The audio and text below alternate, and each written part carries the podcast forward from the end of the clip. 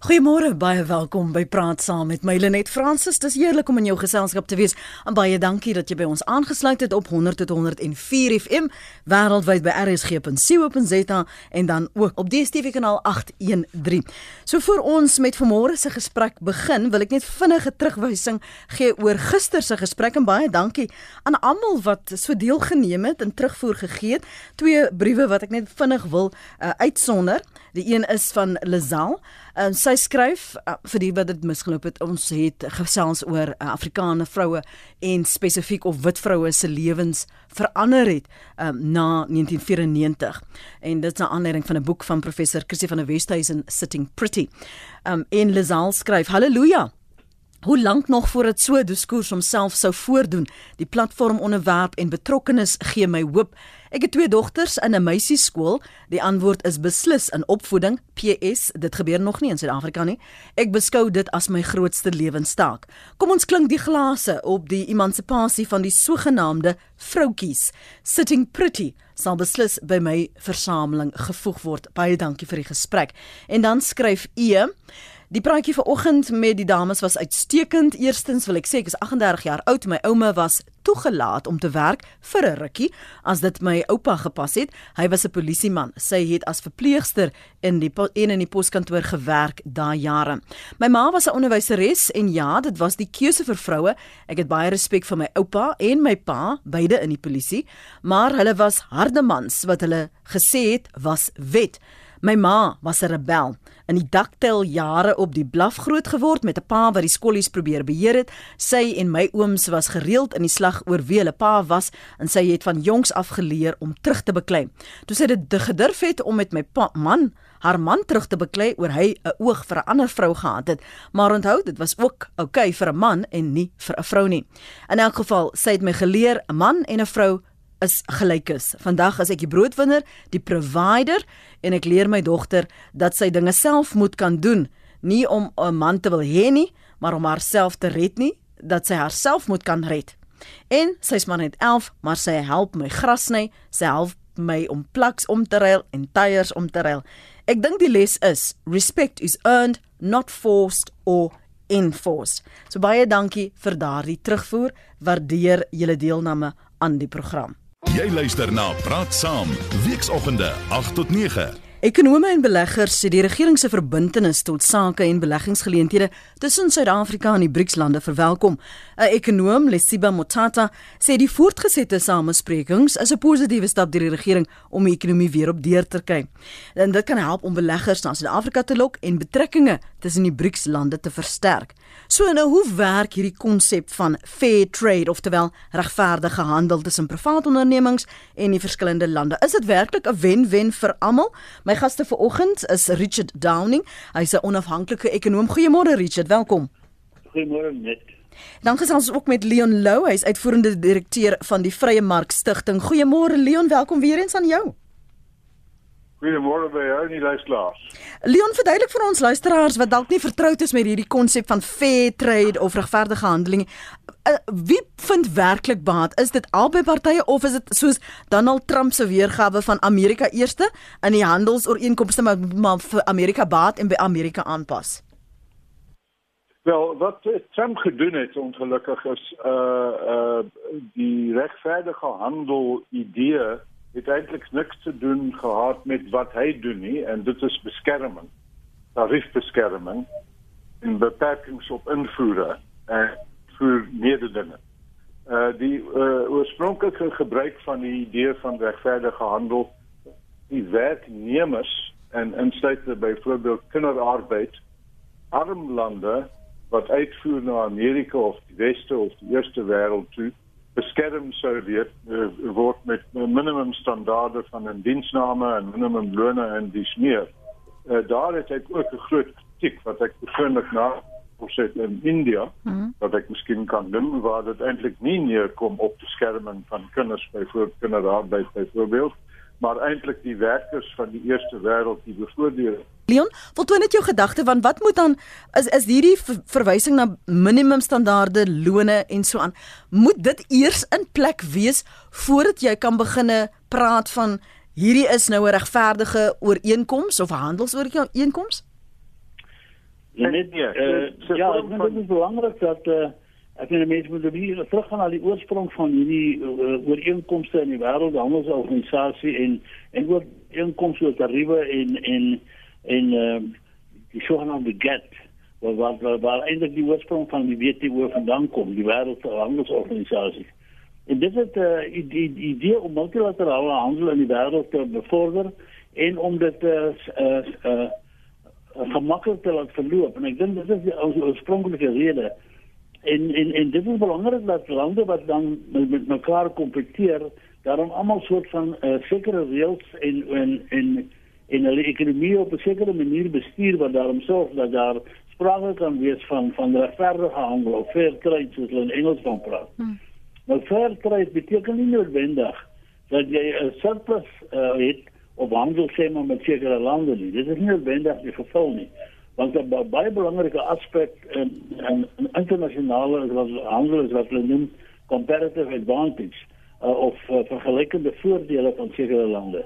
As 'n land 'n sekere voordeel het en hy en hy kan dit gebruik en aanwend, so byvoorbeeld as hy grond baie grondstowwe het en hy kan voordeel daaruit trek, dan moet dit kan gebeur solank hy binne die algemene reëls bly En uh, mense kan hele stompie noem, ek bedoel jou wisselkoers moet daarom redelik aanpas by by uh, by wat gebeur in jou ekonomie. Jy moenie die uh, wisselkoers manipuleer nie. Jou arbeidswetgewing moet ten minste daarop vergelykbaar wees soos hy kinderarbeid byvoorbeeld in sekere lande wat gebruik word wat hulle eintlik 'n uh, eintlik 'n menseregte saak raak en wat eintlik misbruik word vir vir, vir voordele en handel. So daai tipe aspekte kom ook na vore op die uiteinde. Hmm. So dit uh, dit raak baie meer as net 'n betalingsbalansprobleem en 'n ekonomiese probleem. Leon? Ja. Hallo? Wil jy jou uh, gedagte voltooi? Ja, ja, my gedagte vir eers moet ek sê dat daar ons praat hier soos uh, mense hopelik gesien het van twee afsonderlike menseregte in lande waarvan uitvoere uh, ingevoer word in byvoorbeeld die SA of Suid-Afrika van die Sema Lesotho. Uh, dis 'n afsonderlike vraagstuk en dis eintlik 'n vorm van neokolonialisme en dit wil sê inmenging in die binnelandse uh, wette en orde van ander lande wat hulle vryheid het om te besluit watse vorm van arbeidswette het hulle. En en dis eintlik niks te doen met Amerika wat gebeur byvoorbeeld in India of China nie. Uh dis India en China se vraagstuk. Die tweede aspek is blaatante beskerming van ondoeltreffende en onmeedende wat nie kan meeding met die uitvoerende ander lande nie soos byvoorbeeld China. En uh, so wat uh, Donald Trump nou gedoen het is die twee saamgebring het. Die een is te doen met regverdigheid teenoor werkers en kinders in ander lande, gewoonlik arm derde wêreld lande, uh, wat nooit die doele bedoeling was van die term uh, regverdige handel nie. Dit het te doen gehad bloot met menseregte. Nou het hy die twee saamgebring en gesê dat sy blaatante beskerming van ondoeltreffende onmededingende Amerikaanse uh uh besighede en hier in Suid-Afrika gebruik ons die woord uh, uh, wat het de beneficiation, benefici mm. bevoordeling, beneficiation. En wat gebeurt daarmee is eigenlijk net om te zeggen dat uh, ons niet aan uh, mededingende producten uit uh, Mauritius of Lesotho of uh, Botswana of enig ander land China uh, hier wil toelaat nie en die probleem hiervan is om te besef dat die doel van uitvoere is om in te voer jy voer uit omdat jy die geld wil hê, die uh, valuta wil hê om te kan invoer. Uh, so as jy sê jy mag nie invoer of jy gaan binnelandse uh, besighede beskerm, wat jy eintlik doen is as jy uh, jy doen skade aan jou eie besighede wat wil uitvoer.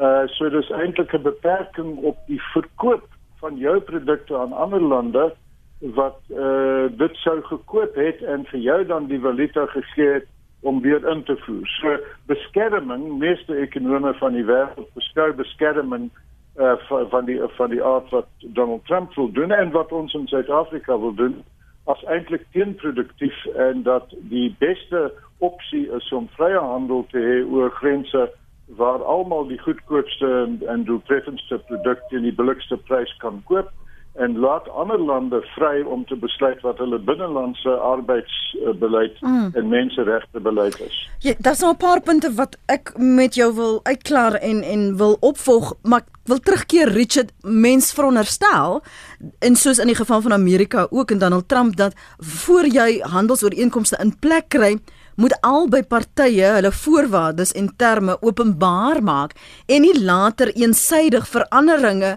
as voorwaardes begin aanpas nie. Ja, wel kyk, uh, dis dis uh, as ek kan inkopies doen by Woolworths of Pick n Pay of Makro of iets of die uh, winkel op die hoek, uh, is uh, vra, vra ek nie hoe hulle uh, hulle uh, diensname handel nie, wat uh, wette hulle nakom nie, wat hulle uh, finansiële beleide is nie. Al wat jy doen is jy kyk wil ek daai produk op diens koop teen daai prys. En dis die doeltreffendste ding vir enige land van die wêreld te doen, soos presies dit is vir jou huishouding. Jy kan eintlik jou eie klere maak as jy wil, jy kan eintlik jou eie kos plant en uh, wortels en so aan kykens aanhou, maar jy doen dit nie omdat dit ondoeltreffend is. Dit is meer doeltreffend om jou huishouding in te voer en die woord ekonomie is eintlik die Griekse woord wat huishouding beteken. Dus die dus presies dieselfde logika wat toegepas behoort word aan enige land. Uh uh dieselfde eie belang vir die hele land is te handel. Die eie belang vir 'n handjievol werknemers en kapitaliste is beskerm en dus ten die koste van die reste van die bevolking. Nou vat besef byvoorbeeld Suid-Afrika. Uh, as ons hier 'n uh, maatskappy het wat wat uh, hemde wil maak, tierhemde, uh, en ons kan goedkoper uit China in, dan sal China bloot ons uitvoer aanvaar omdat hulle hier weer sal wil kan koop of die geld wil die valuta wil verkoop aan iemand anders wat hier gaan koop. So alles wat jy uitvoer, kom die geld altyd terug land geld gaan nooit uit 'n land nie. Daai ding van dat uh, mense geld uit 'n land uitneem, dit kan nie gebeur nie. Al wat gebeur is iemand anders in die wêreld word die eienaar van die rande of die dollar of die pond of wat ook al wat hulle dan verkoop, wat hulle dan gebruik en waarmee hulle dan invoere uit jou land uit terugneem. So geld laat nooit 'n land nie. Alles wat gebeur is die eienaar van die geld verander omdat daai nuwe eienaar daai geld wil gebruik in jou land om weer uit te voer. So vrye handel volgens ekonomiese teorie is wederzijds voordelig en beskermend volgens ekonomiese teorie met of sonder voorwaardes is is teenproduktief.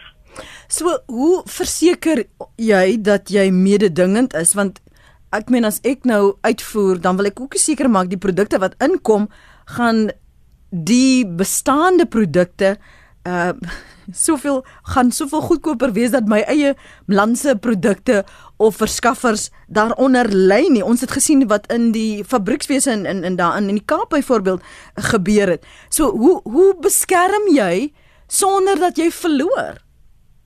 Wel, dis dis daai punt wat gemaak was vir uh, vergelykende voordeel of of 'n uh, uh, competitive advantage. Ja. En wat dit beteken is jy voer uit wat jy mededingend kan uitvoer. Jy doen wat jy goed mee is.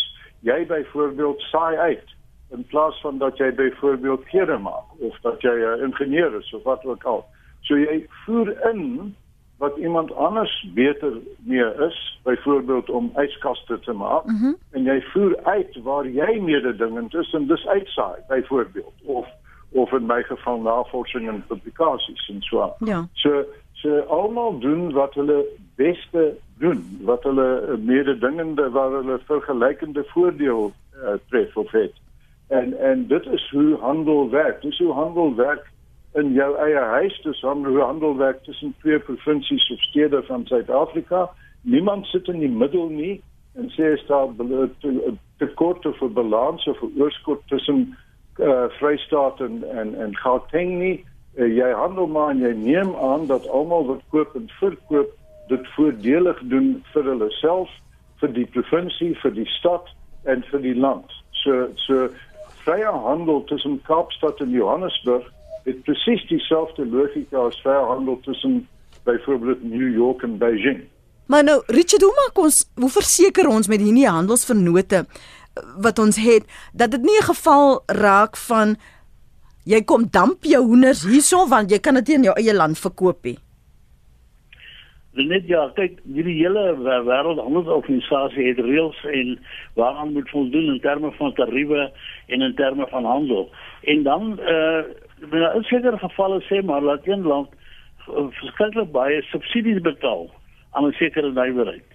Nou daai tipe van beteken dat die koste struktuur van 'n sekere land verskaf vir hom nie net 'n vergelykende of komparatiewe voordeel nie, maar verskaf vir hom eintlik 'n voordeel wat onekonomies en oneffektiwiteit dalk subsidieer. En dit is waar hierdie ooreenkomste eintlik sprake kom waar die wêreldhandelsorganisasie 'n groot rol speel. En daai ooreenkomste is juist daar om uh, handel te vergemaklik en te verhoed dat daar soort van wat hulle praat van dumping of storting plaasvind mm -hmm. van mhm. sekere produkte. Die ander ander weer ek dink ook wat nou so daarna voor voorkom by hierdie sogenaamde fair trade gedagte is waar 'n land sê sy wisselkoers manipuleer of dat daar eintlik nie 'n sewende wisselkoers is nie. In ander woorde, daai wisselkoers word kunsmatig swak gehou of sterk gehou of andere van die situasie. En ek dink dit is ook 'n rede wat eintlik verhoed dat vrye handel basies plaasvind tussen lande. So daar is aspekte waaraan aandag moet gegee word wat moontlik aan uh uh vir vrye handel en hierdie komparatiewe voordeel wat 'n land het eintlik te lid maak en en dit is waaroor mense uh, hierdie organisasies het wat toesig hou dat lande daarmee by voldoen aan hierdie uh, ooreenkomste. Maar dan kry jy ook handelsooreenkomste tussen lande soos Amerika, Suid-Afrika met AGOA wat vir jou sekere voordele gee in terme van om hulle handel te dryf. Nou ek net dit is dit is iets waaroor hulle kan besluit en en en en dit tussen die lande kom daar is 'n verhouding tot stand. Maar dit kan enige tyd soos Amerika wat Trump nou gedoen het, is hy het basies baie van hierdie goed uh, gesê maar hy gaan nie meer voldoen aan hierdie multilaterale ooreenkomste nie. Hy wil met 'n land persoonlik soort van ooreenkoms verseker goed. Maar solank dit binne binne die wêreldhandelsorganisasie se reëls is, kan dit nog gaan en bevorder dit eintlik hierdie komparatiewe voordele. Hmm. As sodra 'n land begin om om eintlik onekonomies op te tree in sekere opsigte, dan is dit nie meer in die gees van wêreldhandelsorganisasie. En ek dink dit is van die groot besware wat jy ook kan kry wanneer lande byvoorbeeld tariefmure opsit om hulle eie nywerhede te beskerm ongelukkig so of om soort van effektief oneffektiwiteit soort van te verskans. Daarom sit hy tariefmuur op. 'n Tariefmuur bedoel hy maar net al wat hy doen is hy die goed wat hy invoer se pryse word baie hoër soos byvoorbeeld met staal. Hy sit 'n tariefmuur op, skuif hom op met 25%. Wat metlik beteken dat daai goed wat ingevoer word, sê nou geen duurder is. Mm. Nou dit is dat jy 'n gevolge in vir die land wil invoer. So dit dis 'n wederwysige proses hierdie. En uh, dit waarom dit so uh, eintlik 'n proses is wat tussen lande onderhandel moet word en voldoen moet word onder reëls wat internasionaal geld. En en en op uiteinde hang op voordeel van ekonomiese groei. Groei te handel tussen lande is 'n is eintlik 'n 'n 'n 'n noodsaaklikheid om eintlik jou groei al het jy vir van nie die beste al is jy nie die beste oor produseer nie is die handel wat jy doen met ander lande altyd tot voordeel van jou ekonomiese groei. Kom ons hoor gou wat sê François en dan kan my gaste daarop reageer. Dankie vir die bel. Môre François. Môre môre, welkom aan jou gas ook. Dit is baie interessant vanoggend. My vraag is net dit. Ek ondersteun vrye handel, maar as ons nie besig om die vrye handel te beperk met die byvoorbeeld die nuwe minimumloon nie. 'n Voorbeeld daarvan is ons vervaardige produk in die Oos-Vrystaat. Ek het 120 mense. Ek kan die produk baie goedkoper invoer van China af en met die gevolg dat ek my fabriek met 120 mense gaan toemaak. Hm, hoor jy? Dankie vir die, vir die jou punt daarso. Leon, in hoeverre beïnvloed juis dat die die die produk en wat jy daarvoor vra, die koste struktuur, hoe vorm dit deel van die beginsels van vrye handel? Is altyd makliker om ekonomie te verstaan as jy dit uh, op 'n mikrovlak analiseer. Kyk na die individu. Dit wil sê as byvoorbeeld jou plaaslike winkel iets subsidieer om aan jou goedkope te verkoop as jy self kan doen. Byvoorbeeld kos uh bak. Jou restaurant wil hê jy moet kom daar eet en wat hulle doen is hulle gee vir jou kos en hulle kook en hulle doen die tafels en so aan besluit die moeite om dit in jou eie huis te doen is te veel so jy gaan eerder na hulle toe of byvoorbeeld uh uh hulle het 'n verkoping, uitverkoping van klere of iets. Jy kon dit jouself gemaak het of jy kon dit elders verkoop het. So almal uh is bly om goedkoper te kan inkoop.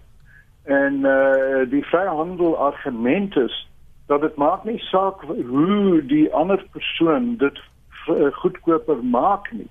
As hulle hulle uitvoere wil subsidieer of vir jou vry wil gee binne uh, internasionale hulp kom daarop neer om eintlik voedsel te verskaf aan 'n ander land vir vry vir niks nie. Ja. En dan word dit beskou as as verwelkom, maar as jy dit goedkoper maak, dan sê hulle nee nee, nou is dit nie 'n regverdige mededingende beleid nie, maar as dit vry is, dan word dit beskou as welsyn. So dit is nie logies nie. Die punt is as jy enigiemand is wat elders in die wêreld sit in Amerika, wil jy die goed goedkoopste ding kan koop wat jy wat beskikbaar is. Dit maak nie saak waar hoe kom dit so goedkoop is nie of miskien selfs vry is nie. Ehm um, volgens die vrye handel. En nou dit word ontwikkel as mense begin sê ja, maar wat gebeur dan in jou plaaslike soos Frans was sê, plaaslike uh uh vervaardigings is uh, is dit tydelik, is dit permanent? Nou as jy altyd permanent 'n goed ding kan invoer as wat dit plaaslik gemaak kan word, dan is dit logies om dit eerder in te voer en iets anders hier te vervaardig om uit te voer.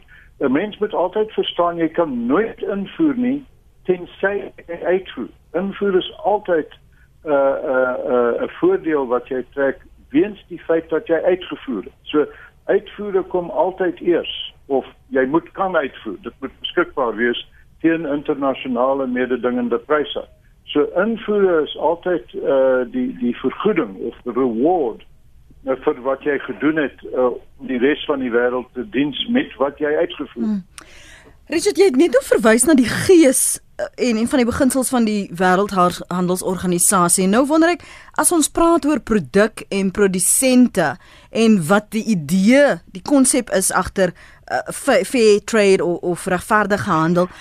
Is dit 'n hoe hoe kies jy jou vernoot? Is dit 'n geval van een is gaan altyd 'n Goliat wees en die ander een gaan maar altyd 'n Dawid wees? Hoe maak jy seker jy kry wat jy nodig het? Wie wen eintlik? En is dit 'n wen-wen situasie vir almal? Net ja, ek dink kyk die konvensie is dat internasionale handel eintlik almal wen dat of jy nou of jy nou 'n goeie die beste produsent is of nie, dit is nie te saak nie. En ek dink in die teorie hierdie uh, soort van feelings eintlik al baie lank terug gekom hier met Ricardo en die ouens wat jy met Ricardo wat jare terug al 'n soort van die feelings gehad het van kom voordelige uh, uh, vergelykende voordele of competitive advantage.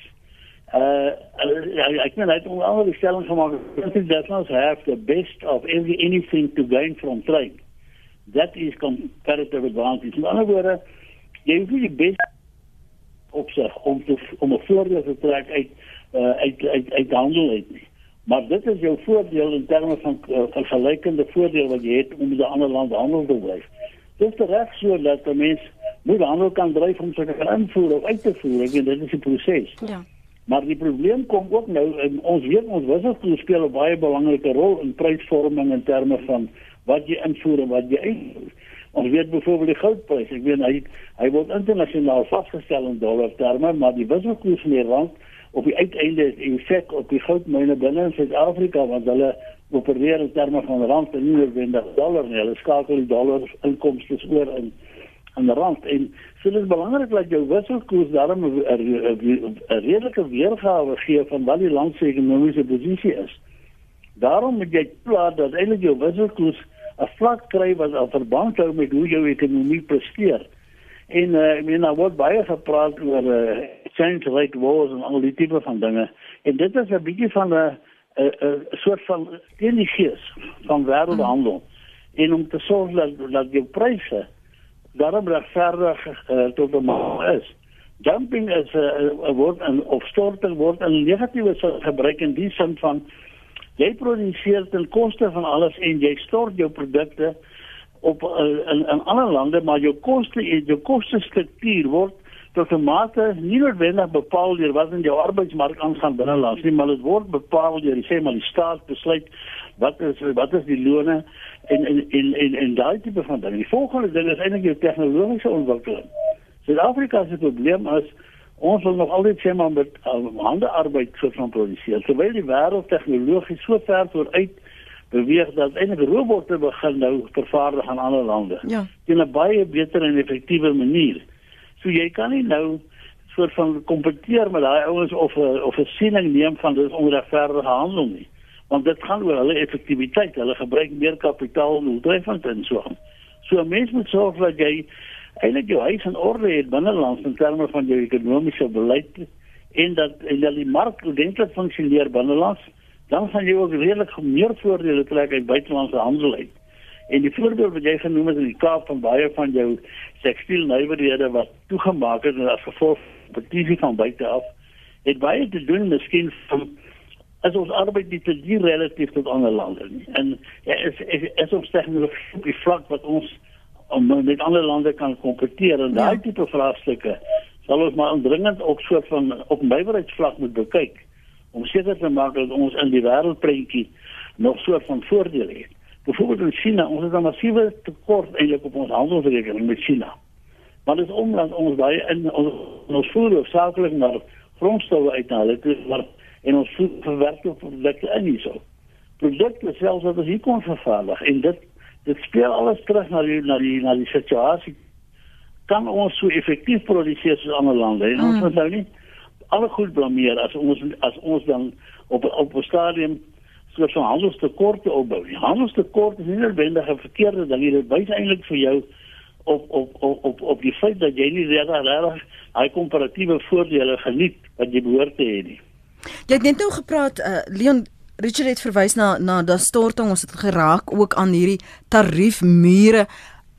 Die gees van wat hierdie wêreldhandelsooreenkoms daar stel vir vennote of handelsvennote of die wat wil met mekaar sake doen is daar skuiwergate is daar skelmstreke is daar uitbuiting en boelie gedrag en hoe bewys 'n mens dit? Besluit jy net daar ek wil nie meer met jou speel nie. So nou los is dit. Hoe hoe werk dit Wel, het is baie moeilik en dus die rede waarvoor verskeie lande soos Hong Kong en Switserland byvoorbeeld glad nie omgee oor storting die hulle lei die hulle het net byvoorbeeld Switserland dan kyk dis dit 4% invoerbelasting op alles en dis ja. Dit is moeilik om te bepaal of daar storting is of subsidie of nie. Nou uh, wat Richard gesê het is na my mening die die enigste oplossing ten opsigte van mededingendheid internasionaal en plaaslik. Mededingendheid byvoorbeeld tussen een provinsie en ander of ons buurland en ander lande. Nou wat gebeur is hy gesê dit het te doen meer met jou binnelandse beleid en hoe maar dis byvoorbeeld waar president Ramaphosa bietjie oor gepraat het. Hy wil Suid-Afrika se ekonomie opbou en mede ding. Maar ongelukkig kom dit saam met ander beleide wat hmm. ons ondermyn en ons minder dringend maak. En en ek wil die twin peaks finansiëer hier weg wat ons finansiële sektor onmede op internasionale en op plaaslike vlak. En dit is heeltemal reg te doen met jou eie binnelandse beleid. Ons moet kyk na die lande van die wêreld wat hoë koerse het, insame het, waar lewensstandaarde styg en sê wat doen hulle en wat hulle doen is fokus op wat plaaslike om dit goedkoper en makliker en eenvoudiger die verwydering van rondslomp, die verlaging van belasting, uh die liberalisering en privatisering van van ekonomie en ander wat daai beleid bevolg en dus deesdae meeste Afrika lande ons steeks uh, syder as uh, wat genoem was swart Afrika Sub-Sahara Afrika is nou die hoogste groei stuk van die wêreld. En net voor daardie breek het ek een van ons luisteraars se menings ehm um, gedeel Richard waar hy sê dat handeldryf moenie sinoniem wees met maatskaplike verantwoordbaarheid en dis waar verantwoordelikheid nie. En dis waar die vakbonde die pot missit sê hy. Dis sit nie opperman.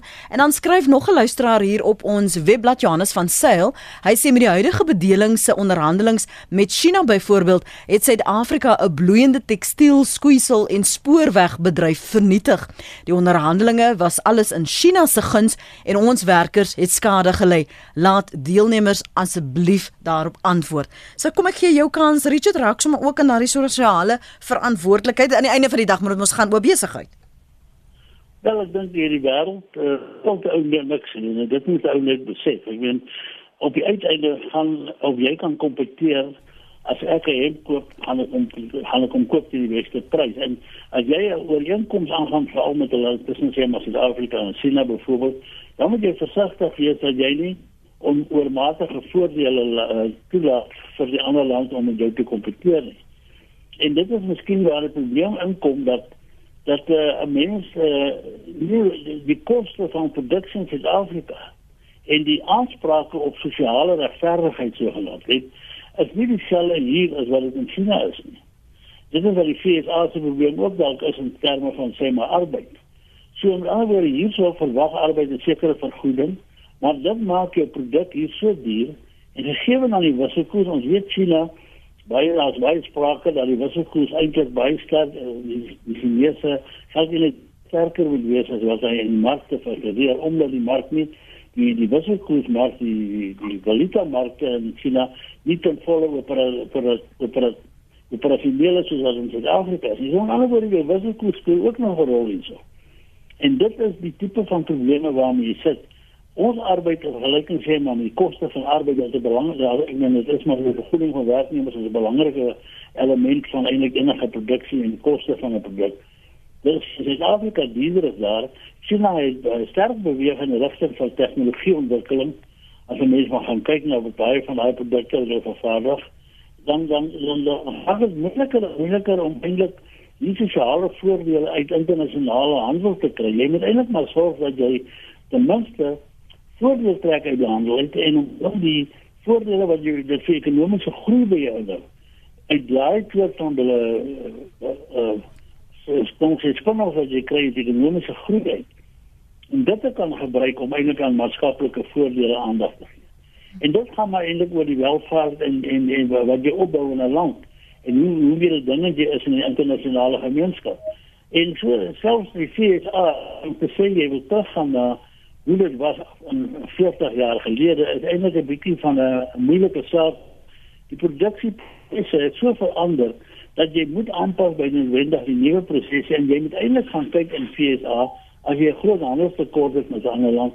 Hoekom is dit so? Hmm. En wat doen ons wat die ander lande doen? Miskien ook laat sê maar vergoeding van werknemers in die FSA heeltemal nie hoog as vergelyking met wat dit in ander lande is. Miskien het jy tegnologies agtergelaat. En daai tipe vraagstukke moet jy moet jy beantwoord. Jou belastingstruktuur is al baie negatief vir besighede in jou eie land. En en dit is waar 'n mens moet aandag gee. En en en en ook hierdie soort van uh, hoe hoe hoe hoe reguleer jy jou besighede binne in die land? Hoe effektief is jou owerheidsdienste? Wat kos jou elektrisiteit? Al daai kostes op die uiteinde winkel af na die produkte kostes toe.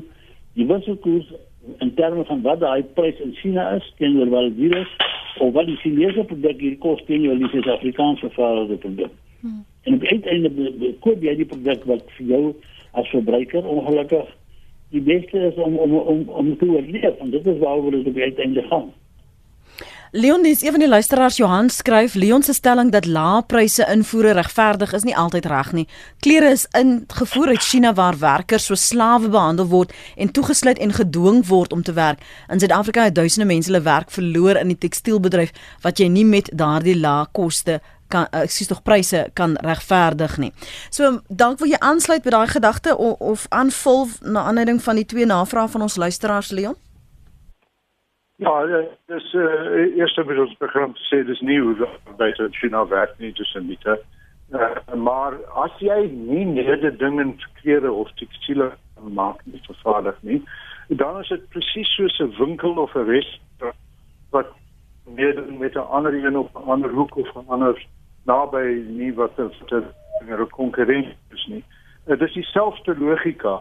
jy het nie 'n reg om uit te voer wat jy wil uit of vervaardig wat jy wil uit 'n nesse restaurant of 'n winkel of er is hier waar ons nou op is byvoorbeeld as luisteraars besluit om 'n radiostasie te begin is, is dit hulle keuse en uh, jy kan nie dan sê nee maar julle het 'n ander in diensname beleid nie of 'n ander uh, loonbeleid nie. So uh, tekstielbeleid bedryf in Suid-Afrika was net eenvoudig nie uh mededingend nie. En wat gebeur het is Suid-Afrikaners nou en besonder arm Suid-Afrikaners kan nou koop klerasie koop koop skoene koop en meer. En as dit beteken dat ons meer by landbouprodukte so ons landbou uh bedryf is een van die groot suksesstories van Suid-Afrika. Ons internasionale mededingendheid. So in plaas van dat ons kos of voedsel uh, invoer voer ons en ons voer voedsel uit. So uh, dis dis wat gebeur. As jy as jy beter is met uh bedryf A dan uh, moet jy uh, besluit om daarop te fokus en ek kom terug na wat Richard gesê het op die ou end is dit te doen met jou plaaslike beleide om jou plaaslike besigheid meer kon binne dinge te maak. Nou net uh, vinnig wat China gedoen het is vrye handelsgebiede geskep nou ons het 'n vrye handels uh, beleid hier wat wat presies sê word ge, uh, gebaseer is op die China se benadering uh, maar eintlik hulle verstaan dit die maar in elk geval die punt is wat in China gedoen is is hulle vrye handelsgebiede geskep waar daar geen belasting is nie belastingsvry uh waar daar geen byvoorbeeld 'n minimum loon wetgewing is nie. So uh, ons hulle het nie werkloosheidsprobleem nie. Almal daar kan werk kry. Ongelukkig kan ons kan werkers nie werk kry nie omdat die wette te duur en gevaarlik maak om iemand iemand in diens te neem.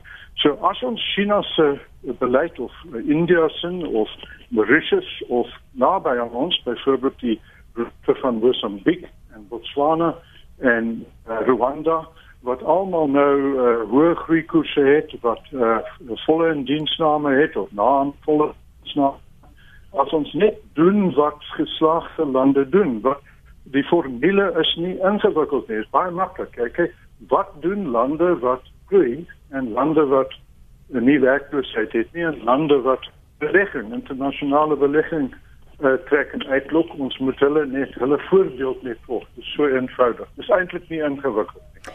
Destyds ek weet nie of dit nog geld nie Leon maar ek herinner my dat daar in die verlede as jy sekere produkte gekoop het en daardie handelsooreenkomste was in plek dan was daar so 'n etiket om te sê hierdie is 'n free trade um produk gegeld dit nog is daar 'n manier hoe vir ons as verbruikers om onderskeid te kan tref Ja kyk hier eh, me, baie mense is nog nie bewus van die feit dat Suid-Afrika onlangs 'n vrye handelsooreenkoms in die res van Afrika. Alle Afrika lande, 52 of so, het 'n vrye handelsooreenkoms geteken waar volgens in beginsel sal dit heeltemal uh, vry wees sonder ekonomiese grense om in te voer of uit te voer tussen enige twee Afrika lande en selfs vir arbeid om te beweeg van een land na ander toe. So as jy volle regs en diensname het in land A, sal mense wat werkloos is in land B sin toe kan so gaan. So, dis 'n baie belangrike ooreenkoms en ek is verstom dat na uh, president Ramaphosa dit geteken het, daar nie baie meer aandag geskep is aan dit. Dit is miskien die belangrikste ding wat in Afrika gebeur het in die laaste 50 jaar. Mm. En uh, die beginsel is wat aanvaar is deur Suid-Afrika dan moet absoluut verwydering wees van alle ekonomiese grense, alle beperkings op invoer en uitvoer van ander lande voorlopig net vir Afrika, soos die Europese uh, vereniging. Uh, maar daarna wil hulle dit uitbrei na byvoorbeeld Suid-Amerika, Asië en so aan. So ons het nou al in Suid-Afrika hierdie beginsel op 'n uh, op 'n verrykende basis aanvaar. Wat toe vir Suid-Afrika uh maar in die land nee. Hmm. Die laaste woord is joune vir oggend Richard as ons kyk na die ooreenkomste tussen die BRICS lande is dit regverdig in die sin dat almal wel voordeel daar uittrek veral Suid-Afrika se posisie tussen Brasilië, Rusland, Indië, China en Suid-Afrika of is dit maar China en Rusland wat meerendeels baat? Net ek dink groot ding van enige ooreenkoms wat jy sluit met watter lande ook al. Uh vryhandelsooreenkomste wat ook al en en ook behoort aan die wêreldhandelsorganisasie. Is belangrike uh ooreenkomste om eintlik jou handel te bevorder. Soos ons gesê het, inter internasionale handel is nie 'n 'n 'n soort van 'n uh, luxe nie, dit is eintlik 'n moet hê. Dit enige land moet eintlik sy internasionale handel dryf, want enige land het invoer nodig, enige land wil uitvoer. En en vryhandelsooreenkomste tot 'n mate moet jy net seker maak jy het spesiale golflengte by ander lande, anders te gaan jy verkeerde kom of wat ook al. En dan op die uiteinde van vryhandel beteken daai tariefmure lê heeltemal anders as wat dit met ander lande lyk wat nie ooreenkoms mee het. Mm. So dit is die dit is die ideaal wat jy het, is eintlik om met alle lande vryhandelsooreenkomste te hê. Maar as hierdie wêreld werk nie so nie daar is sekere redes soos storting en so en en en ongewenste praktyke in sommige lande wat verhoed dat jy eintlik oral vir vrye handelsooreenkomste kan sluit. En veral waar jy multilateraal ooreenkomste sluit, is dit nie noodwendig 'n voordeel nie. En is bilaterale ooreenkomste beteken ook noodsaaklik. Maar internasionale bly noodsaaklike En ek dink Suid-Afrika dit is eintlik 'n toets vir ons in terme van international best practice om te kyk die produkte waarmee ons nie komparatiewe voordele het nie. Hoekom is dit so? Kan ons ooit daai komparatiewe voordele kry gegee dit wat ons binnelandse beleid is? En indien nie, hoe kan ons dit verander om wel komparatiewe voordele te kry? En ek dink dit is die vraagstukke wat eintlik terugverwys na jouself toe. As jy internasionaal en in terme van betalingsbalansprobleme begin probleme optel en jou geld eenheid wat depresieer heeltyd. Hmm. Baie baie insiggewend. Baie dankie vir julle beskikbaarheid vanoggend hier op Praat Saam. Leon Lou is uitvoerende direkteur van die Vrye Mark Stichting en Richard Downing is 'n onafhanklike ekonom. Baie dankie vir die saampraat. Goeiedag verder vir julle en dat die laat die sake floreer, né? Ons het vanmôre gesels oor wat ehm um, hierdie konsep van vrye handel, fair trade beteken en wie voordeel trek of dit werklik 'n wen-wen vir almal is en vir al privaat maatskappye wat as jy ehm um, produk A het en produk uh, B is dalk mededingend in 'n ander land. Uh, hoe hoe werk hierdie goed? So dis dis modder wat ons probeer verstaan. Ons ons met diep krap. So as jy weer na die program wil luister en ek ek kan dit werklik aanbeveel wel ek kan alles aanbeveel wat jy op praat saam hoor. En is nie net omdat ek die aanbieder is nie maar die insigte van ons gaste dit skep nuwe denke dit konfronteer jou dit help jou bietjie anders dink um, van wat eintlik aangaan as wat wat ons altyd dink ons weet alles of glo. So gaan na ons webblad by rsg.co.za en laai die pot gooi af. Jy soek net vir vandag se datum of as jy nog belangstel en jy het gehoor die verwysings na Sitting Pretty. Ons gesprek gister gaan uh, tik dit in die datum gister se datum en laai die pot gooi af en luister dan wanneer dit vir jou pas.